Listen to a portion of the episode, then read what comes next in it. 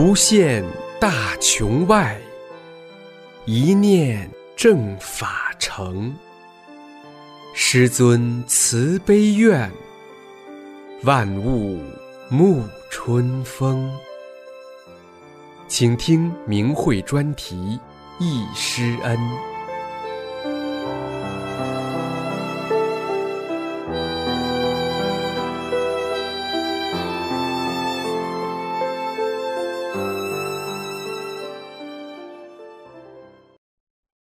请听明慧忆师恩专题文章，题目是《珍贵的照片，幸福的回忆》。文章发表于明慧网，两千零八年五月十三日。我有一张无比珍贵的照片，照片上师尊慈悲的目光正微笑地望着旁边那个初见师尊而无比喜悦而欢笑的合不拢嘴的我。每当我看到这张照片，整个身心便融入一种无以言表的幸福与喜悦之中。那是一九九六年法轮大法北京国际法会在地坛方泽轩举办的最后一场交流会结束后，师尊莅临方泽轩大堂时拍摄的照片。那是我第一次见到师尊，回想当时的情景。每一个微小的细节，如今都历历在目，成为我生命中永恒的、无比珍贵而美好的回忆。我于一九九六年得法。一九九六年四月，母亲打来电话，急切地告诉我，她早晨到北海公园晨练时，被一种非常美妙而祥和的音乐声所吸引。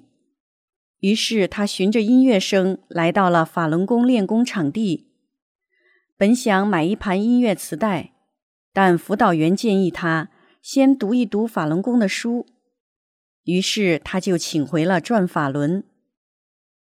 从母亲的话语中，能明显的感受到话筒另一端母亲的急切和兴奋。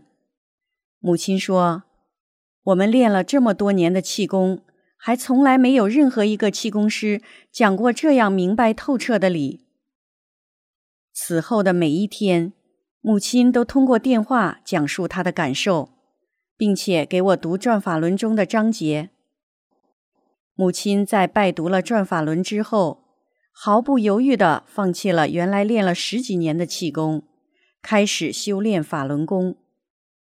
以年逾七十三岁高龄的母亲。拄着拐杖将转法轮专程给我送来，因为我当时患重病已经多年，身体非常虚弱，一年到头几乎都是在病榻上度过。多年来，我虽然也一直在寻求探索生命的真正意义，也阅读过不少佛教、道教古籍，希望能从中找到答案。我也练了多年其他法门的气功。但都没有找到生命的真谛。母亲送来转法轮后，我并没有马上拜读。我当时正在学习密宗。几天后的一个早晨，我感到内心从未有过的宁静，就像湛蓝而清澈的天空，纯净的一丝杂念都没有。就在我的目光漫无目的的划过四周景物时，放在书桌上的转法轮映入我的视线。我翻开转法轮，开始阅读。立刻，我被那浅显易懂而又无比深刻的内涵所深深吸引，从心底升起一个念头：我也想做这样修炼真善忍的人。当我读到二十几页的时候，身体就得到了净化。之后，我相继发现。我身体上原有的十几种病状都消失的无影无踪了，非常神奇的，仅仅几天中，我就从几十年的沉疴顽疾中彻底解脱了出来。师傅给了我一个全新的生命。修炼大法后，不仅仅身体获得了健康，我的心灵也发生了巨大的变化。从过去为私为我的狭隘境界中，一步步走了出来，学会了宽容忍让，为他人着想，事事处处按照修炼人的标准要求自己。一九九六年六月，《光明日报》刊登了一篇歪曲法轮功的不实报道。我看到那字里行间有意的歪曲、丑化和污蔑之词，心里很不平静。当下决定，我要把我修炼法轮大法之后的切身体会写出来，告诉世人：法轮大法是真正使人获得健康、心灵得到提升的高德大法。写好之后，我交给了辅导员，同时也各寄一份给《光明日报》和当时的总理朱镕基。一九九六年十一月二日一早，我得到通知，去地坛方泽轩参加北京国际法会，并让我在会上讲自己的修炼体会。当我带着小弟子女儿到达会场时，交流会已经开始。听着中外同修们讲述他们各自修炼大法后身体的变化，在过心性关时的痛苦迷茫，到去掉执着后的平静，我心中很感动。下午是分组交流，晚上安排大家在一起吃饭。方泽轩大堂有前后两个堂，学员们在两个大堂内摆好饭桌。我坐在后面大堂里，就在服务员刚刚端上第二盘菜不久，突然听见前堂一声激动的变了音的喊叫。我虽然听不清喊的是什么，但直觉的知道师傅来了。几天前在法会分会场，已经有主持人转达了师傅的电传，大意是：师傅在美国，不能参加这次法会。所以大家都没有想到，师傅会在最后一天法会结束后来看望弟子们。我和女儿原本坐在后堂最里面，而且因为人多地方小，桌椅摆得很挤，几乎没有间隙。当我意识到师傅来了时，后来回忆当时的情形时，也觉得奇怪：前面挡着那么多椅子。身体不知怎么就越过这些椅子，就好像箭一样飞了出去，一下子就站到了前堂门口。看见前面大堂里学员们正涌向师傅，很多学员伸手和师傅握手。那是我第一次见到师傅，我很想也挤过去离师傅近一些看师傅。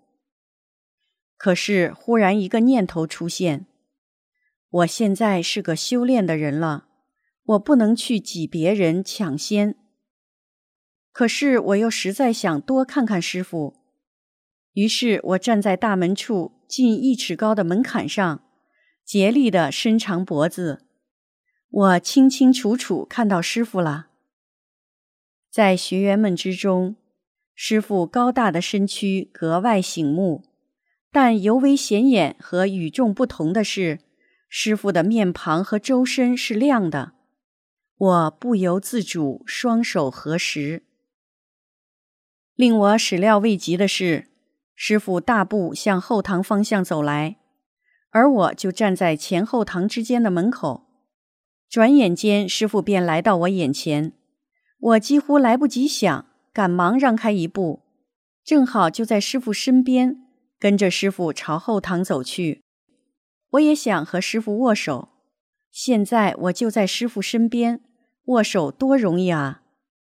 可是突然，师傅在转法轮中的一句话出现了：“有人也想和我握手。”于是我的手始终没有伸出来。师傅来到后堂与学员们见面，后堂也沸腾了，学员们欢喜激动的心情无以言表。我站在师傅身边，心中纯净的，什么念头都没有，就是笑啊笑啊。后来才感觉到一直咧着嘴笑，两边脸颊的肌肉都笑酸了。我几次想试着合上嘴，但就是合不上，就那样笑啊笑。这时，有人大声让学员们都回到自己的座位上坐下。我虽然心里十分的不情愿，但也只好随着大家走回自己的座位。可是，似乎有一种力量使我的腿弯不下去，无法坐下。我就一直站着，双手合十，像被吸在胸前一样放不下。我就那样站着，双手合十，呆呆地望着师傅。师傅挥手向大家说。大家先吃饭吧，我在这儿，大家都吃不下了。等你们吃完，我再来。说完，师傅向外走去。可是大家激动的心情已难以平复，谁都无心再吃饭。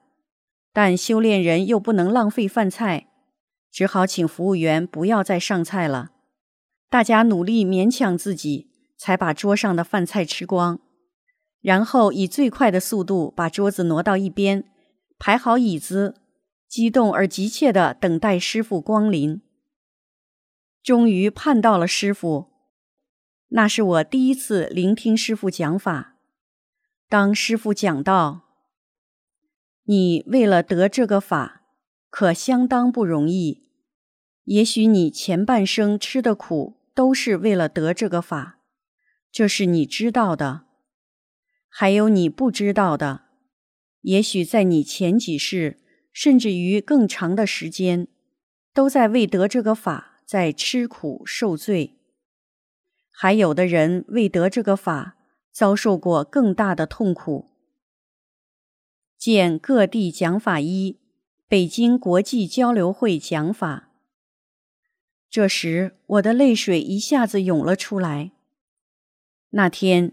师尊为弟子们讲法近两个小时，后来才知道，师傅经过十几个小时的旅程，下了飞机没有休息，直接来到会场看望学员。在学员们吃饭时，师傅又到外边看望正在那里练功的小弟子们。等学员们吃完饭，师傅再次回到会场为弟子们讲法近两个小时。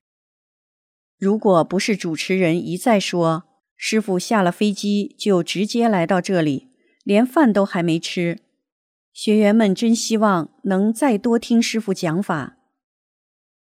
讲法结束后，学员们陆续离开了会场，我磨蹭着，迟迟不愿离去，想在师傅讲过法的地方多待一会儿，直到最后要关门了。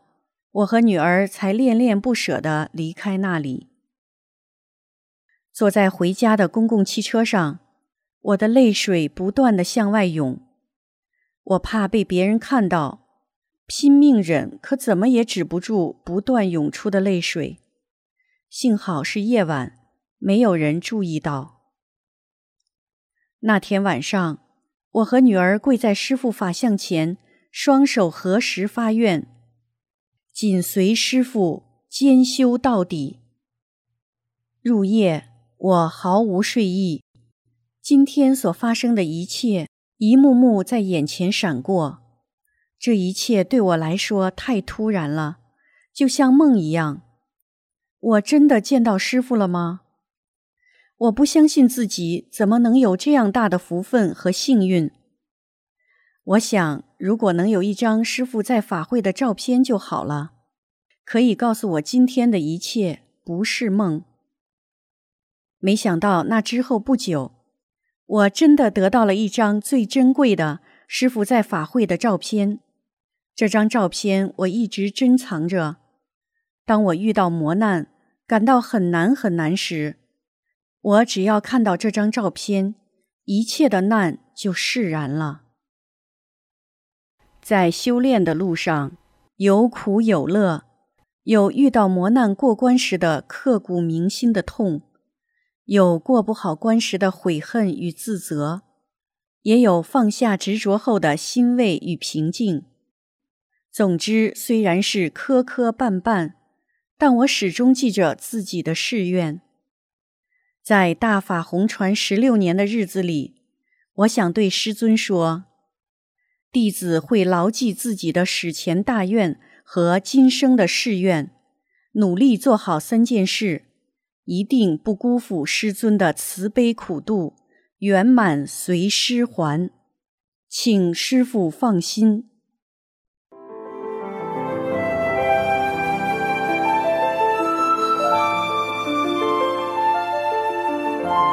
您现在收听的是明慧专题《易师恩》。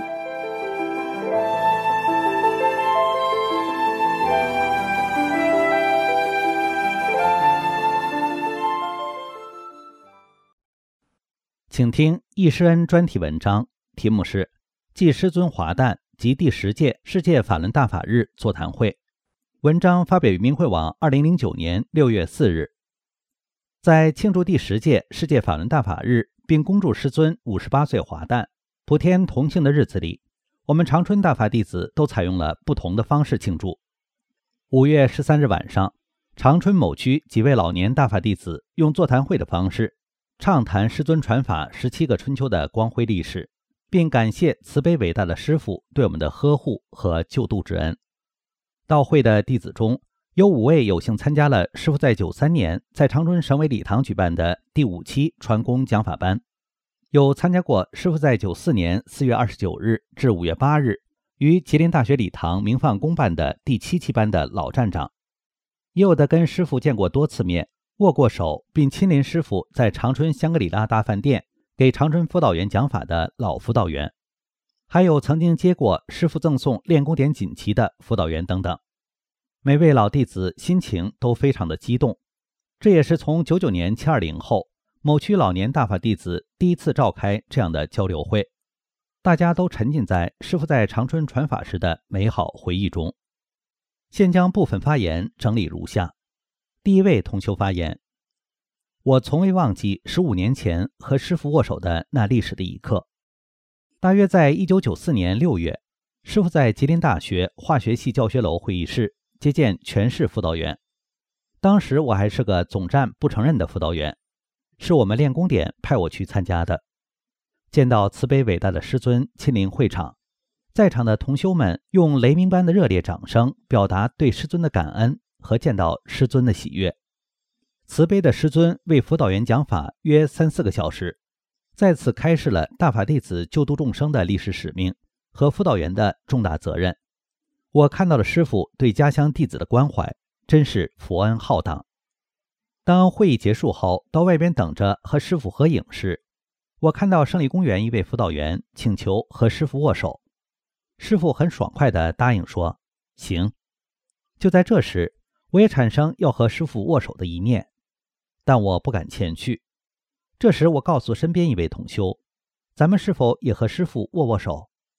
他说。我们赶快过去和师傅握手。说完，他自己跑到前面去和师傅握手。这时，我仍然呆呆地站在那儿没动。这时，同修拉着师傅的手向我走来，大约走了四五步，我急忙跑过去和师傅握了手。当时我感到我的心已飞到天上。师傅的手很软，热热的。我想，我一个普通学员怎么能和佛握手？师傅对我是太偏爱了，这是多么难得的机缘啊！当师傅上车要离开时，我向师傅招手说：“师傅再见。”师傅回过头来看看我。这时我看到所有的辅导员都那样庄严静静的，依依不舍地目送着师傅远去。事后有人告诉我们，有个谁也不许要求和师傅握手的规定，可是我当时不知道，这是我偏得了。过了不长时间，总站重新审批辅导员资格。总站认为长春某区练功点才四五十人，不需要五个辅导员，需要拿掉两个。为了慎重起见，总站请示了师傅。师傅回答说：“五个就五个吧。”这样，在师傅的同意下，我和另一位同修当了辅导员。每当我想起这些，我的眼泪就止不住。就不断的激励自己修炼要精进。每当我精进时，师傅就让我在梦中见到师傅，把最美好的情景展现在我面前，让我看，鼓励我。当我有执着、有怕心、懈怠时，师傅就让我看到我从高处往下掉的危险情况。回想起来，在我的修炼路上，是师傅一路呵护，使我走到了今天。我感谢师尊。我要努力做好三件事，在神的路上走好最后一步，完成历史交给我的使命，圆满随时还。第二位同修发言：我是一九九三年得法的老弟子，参加过师傅在长春省委礼堂举办的第五期传功讲法班。那是一九九三年夏季的傍晚。师傅讲法的第一天，礼堂大门口站满了人。我站在礼堂的台阶上，准备入场。我刚一转身，发现有一位又高又大的人站在我的左侧。我意识到是师傅站在我身边。我对师傅有种肃然起敬的感觉。师尊当时穿着洁白半袖衫，合体大方。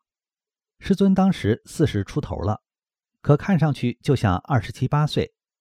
在师尊讲法的第三天，我的天目开了，看见了公柱。参加师尊讲法的日子，是我一生中最快乐、幸福的日子。在这十天中，我的人生观发生了巨大的变化。去听课的路上，看到天格外的蓝，树格外的绿，骑自行车像飞一样，心情比过节还欢乐。每天沐浴在浩瀚宇宙佛法中。那个高兴劲儿没法用语言来形容。后来许多新学员走进大法修炼，他们都非常羡慕我们跟过班、听过师傅亲自讲法的老弟子。如同师傅在转法轮中讲的：“我说真是，将来你会知道，你会觉得这段时间是非常可喜的。当然，我们讲缘分，大家坐在这里都是缘分，这个缘结得太久远了。”是宇宙亘古佛法之缘。我今年已八十三岁高龄了，是九三年某区建点初期的老站长，在修炼和正实法的这条路上，风风雨雨的经历了许多磨难。我怀着一颗对大法的坚定和对师傅的坚信的心，摔摔打打的走过了十六年的修炼历程。我的右眼在修炼之前已失明十二年了。在一次过关提高心性中，我想起师傅在一次讲法中说：“修炼人是没有敌人的。”选自《各地讲法七》，芝加哥市法会讲法。大家在一起学法修炼，避免不了有不同的意见。我怎么能把同修当作敌人来对待呢？他不是敌人，不能恨他。三天后，失明的眼睛能看见东西了，做针线活非常自如。法轮大法太神奇了。每当遇到磨难和困难时，想到和师傅在一起那难忘、幸福、快乐的日日夜夜，就不断的激励自己做好师尊要求的三件事，圆满随时还。我有一个侄子是某工厂开吊车的。一九九八年春末夏初，他看到社区有很多修炼法轮功的队伍，他每天晨练时就加入了大法的队伍。还请了一本《转法轮》。就在这年的夏季，他和同事交接班时，走到吊车底部吸废铁的磁盘下时，磁盘突然下落，把他压在底下，越压越重。周围挤满了人，都着急的大喊着说：“这个人完了！”他被压在里面，感觉气儿都没了，就是有那么一点意识，想这下可没命了。这时，他觉得一只大手在他后背推了一把，把他从吊车磁盘底下推出来了。大家都感到奇怪，明明压在里面的人怎么坐着出来了？渐渐地缓上气儿来，只有左脚背骨折，其他一切完好，一点没留下残疾。当时他只是参加晨练，可就是这样一个人，遇到危险时，师傅都在保护着他。通过这件事。我的侄子正式走入大法修炼中来，现在他退休了，还在修大法。第三位同修发言：值此圣日，祝慈悲伟大的师傅生日快乐，万事如意。我是一九九四年得法的，非常幸运能参加师傅两次传功讲法班。转法轮是我一生中看到的最珍贵、最好的书，于是我为五个弟弟和三个女儿都各请了一本转法轮。九九年七二零后的十年中，我在师傅的慈悲救度和呵护下，在佛恩浩荡中坚定地维护大法、正视大法。凡我们全家聚会时，我都向他们揭露邪恶，讲清真相，有针对性的分送光盘和真相资料。当我在2005年2月25日在网上看到师傅的向世间转轮和退团声明后，我当时即为全家三十三口人做了三退。事后，他们陆陆续续都表示同意三退。最近，利用为舅母送葬的机会去外地，向姨舅家兄弟姐妹家送神韵光盘。揭露邪恶，讲真相，劝退三十多人，在机关里顶着巨大的压力，向许多领导、机关干部和职工不断的揭露邪恶，讲真相，送光盘，提供破网工具，传酒瓶，劝三退等，救度那些被邪党谎言欺骗的干部和群众，在邪恶的迫害中走正自己的修炼路。我还有人心需要修去，还有许多不精进的地方需要弥补。我会珍惜走过的路，正念正行，勇猛精进，救度众生，努力做好三件事，一修到底，绝不负师傅厚望和苦度，完成大法和历史赋予我的使命，圆满随时还。我们每位大法弟子在反迫害、正视大法、救度众生中，历经磨难，意志坚定，在师尊的呵护下，顶着巨大压力走过来了。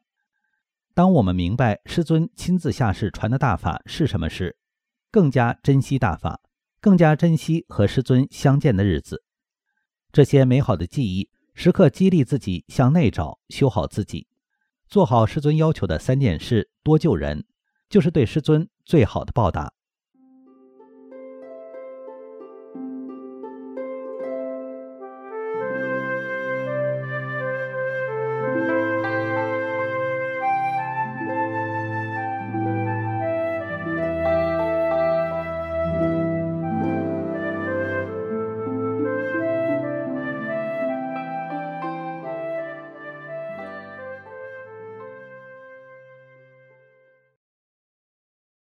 请听明慧忆师恩专题文章，题目是《法轮大法红传大连高校的故事》节选。文章发表于明慧网，二零一八年七月七日。第一部分：大连第一期讲法传功班在外语学院举办。一九九四年三月二十七日。大连第一期法轮功学习班就在大连外国语学院南院礼堂举办，大约六百人参加了为期九天的学习班。此后，学员们很快将法轮大法真善忍的美好和它的神奇功效迅速传给了亲朋好友。此后，学练法轮功的人数迅猛增加。同年七月一日。李洪志师傅在大连机车体育馆举办第二期法轮功学习班时，约一千五百名学员参加。十二月三十日，李洪志师傅第三次来大连，在体育馆做报告时，参加人数已经达到六千六百人。一九九九年七月二十日以前，短短五年多的时间，在大连。已有十几万百姓学练，在高校也有成千上万人学练法轮功。下面是几位参加外院班学员的珍贵回忆：一，我找到师傅了。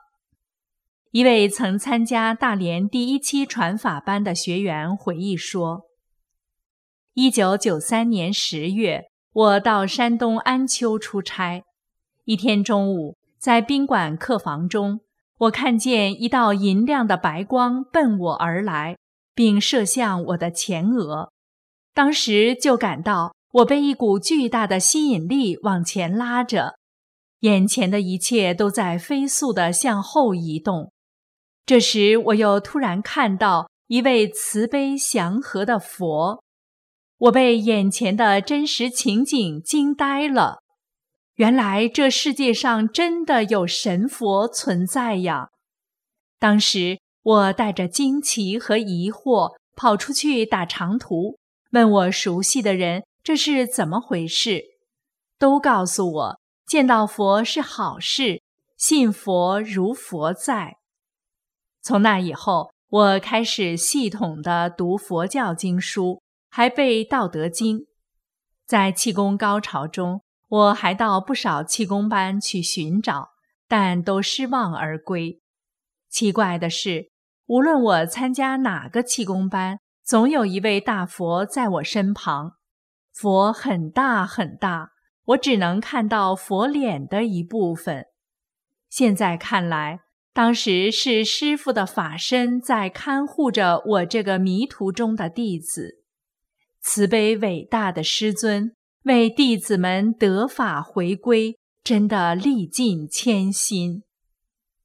大连第一期法轮功学习班第一天，我坐在后排，虽然看不清师尊，但师尊讲的高深法理一下就入我心里。我情不自禁地流着热泪，整个身心沐浴在佛法的慈悲之中，感受到从未有过的清新玄妙。当时还感觉右手背血管里有一个东西被抓了出去，身体得到了净化。第二天，我坐在前面第二排，准备好录音机等着听课。一抬头，不知什么时候。师尊已经在讲台上了。这时我猛地一惊，这不是我在安丘见到的大佛吗？这是多少年的寻找，多少代的期盼呀！热泪夺眶而出，边听法边流泪，怎么也控制不住。下课后，我激动地向师傅奔去，心里反复喊着：“师傅。”我可找到您了。当时师傅正在同外地来大连跟班的老弟子谈话，我冒冒失失地拨开人群，来到师傅身旁。当时还不知道佛家的合十礼，就伸出手说：“师傅您好。”师尊打量了我一眼，伸出手跟我握手。这时我望着师傅。有一种被定住了几个世纪的感觉。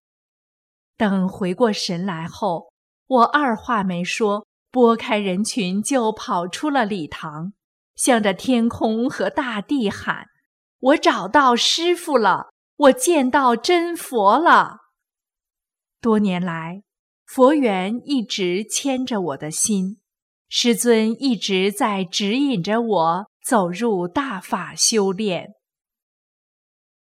二，师尊为学员净化身体展神迹。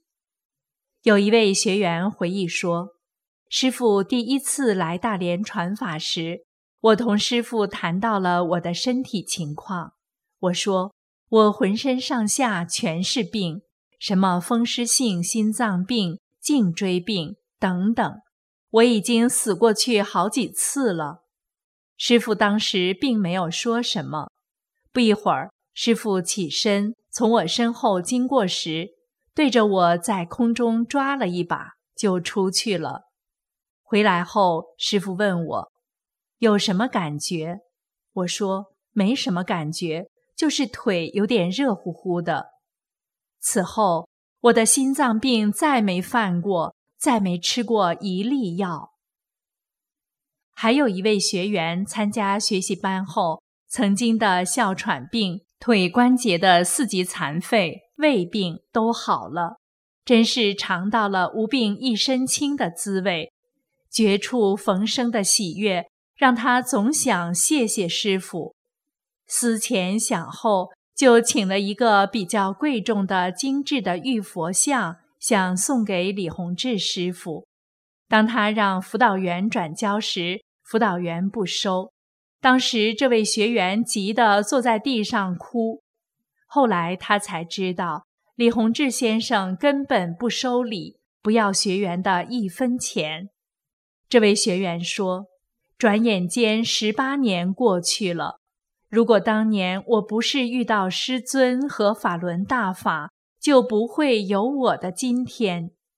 慈悲的师尊为我净化身体的神迹。”至今历历在目，这件事在当地迅速传开，引起很大反响，使很多人走入大法修炼，知道法轮大法是正法。三，师尊为学员展现大法的神奇与超常。一位学员在听师父讲法时，看到了满天的天兵天将，还有像韦陀菩萨那样打扮的许多护法神。当时由于激动兴奋，流出了幸福的眼泪。这位学员回忆说：“师傅讲法深入浅出，博大精深。过去我曾看过一些经书，也练过一些其他功。”从来没有听过这么深刻的法理。关于真善忍是宇宙的根本大法，关于法无定法和不同层次有不同层次的法，关于生命的来源，关于修炼心性和生命境界提高等等，都是我闻所未闻的法理。其他的功法从来没有把人和人生讲得这样明白。更没有把生命和宇宙讲得如此深刻。师父讲的话句句是天机，使我心灵震撼。师傅讲的理字字是天理，直接打入我的心灵深处。这样一部高德大法，绝不是其他气功和修炼法门能够同日而语的。听了师傅的讲法，使我心里变亮。心胸开阔，生命越来越大，境界越来越高，真是神奇的功法呀！从而增强了我在大法中修炼的坚定信念。和师尊在一起的时候，我就像孩子一样，什么都讲，什么都问，无论什么问题，师尊都会给我一个满意的答案。无论什么难事。师尊都能给我解开，我深深的感到师尊无所不知，大法无所不能。师尊给予我们的全是美好。一位学员回忆说：“师傅在大连办的第一期班时，一天，我们几位学员在一起看师傅的教功录像带，有的人看到录像上莲花瓣在跳动。”一跳一跳的，特别好看，但我看不见，很着急。这时，师傅走进来了，大家跟师傅讲了自己看到的情景。我说：“师傅，我怎么看不见呢？”师傅亲切地安慰我说：“看不见不要紧，现在我让你看看。”师傅顺手从桌子上拿一个西红柿，在两手中间捂了一下。放在一个饮料罐上，这时在西红柿上就出现一个不大的小婴孩，他一跳一跳的，真好看。小婴孩头上还有一股绿色的光束，直通天顶。其实这小婴孩是另外空间的生命，师傅特意给我们展现在这个空间了。一位学员回忆说。一九九四年四月四日，大连第一期传法班结束后，我们送师傅去锦州。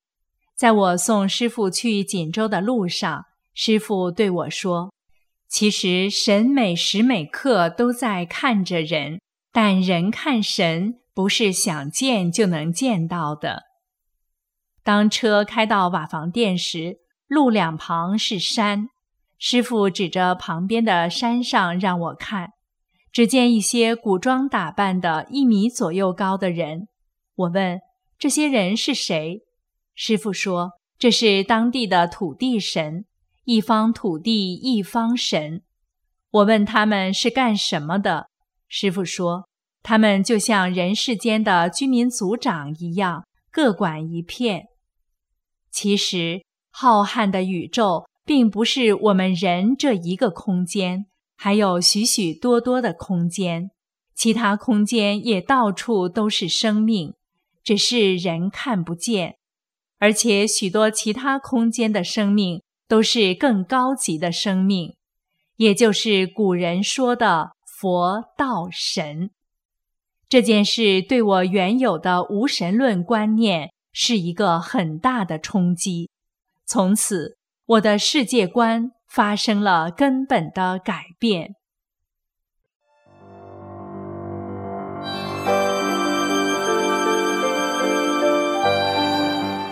这一期的易师恩就到这里，谢谢收听。